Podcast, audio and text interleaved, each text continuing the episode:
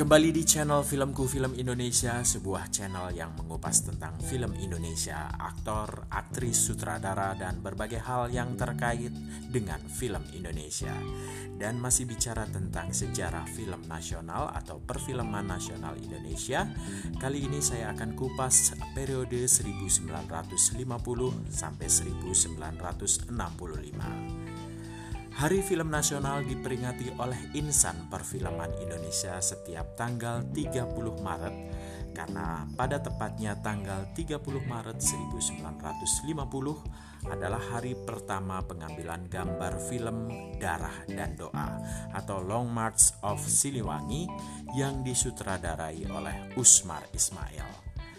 Hal ini disebabkan karena film ini dinilai sebagai film lokal pertama yang bercirikan Indonesia.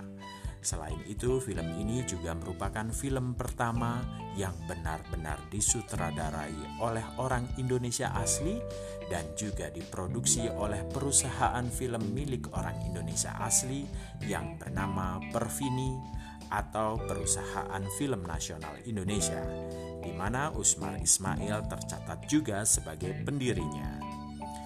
Selain itu pada tahun 1951 diresmikan pula Gedung Metropol, bioskop termegah dan terbesar pada saat itu.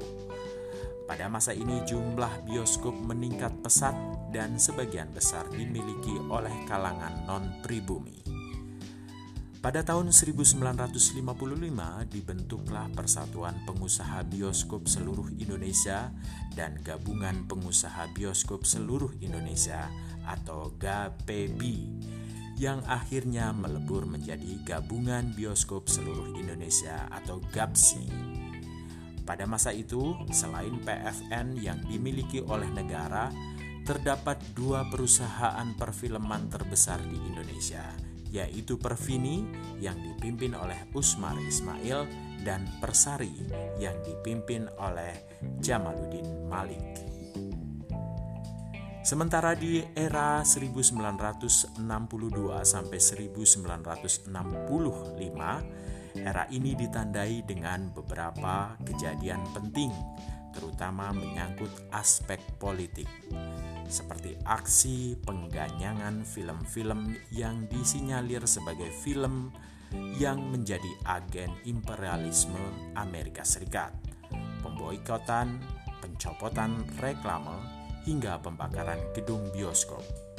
Saat itu jumlah bioskop mengalami penurunan sangat drastis akibat gejolak politik.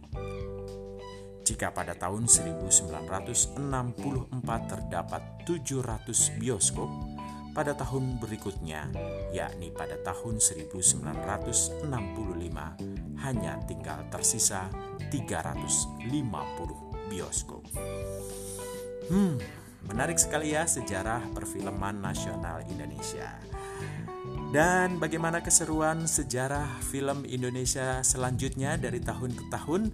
Simak terus ya di podcastnya Filmku Film Indonesia dan jangan lupa untuk subscribe, uh, like, komen, dan share channel Filmku Film Indonesia di channel YouTube tentunya. Dan jangan lupa pula untuk datang ke bioskop, tonton dan cintai film Indonesia karena filmku film Indonesia.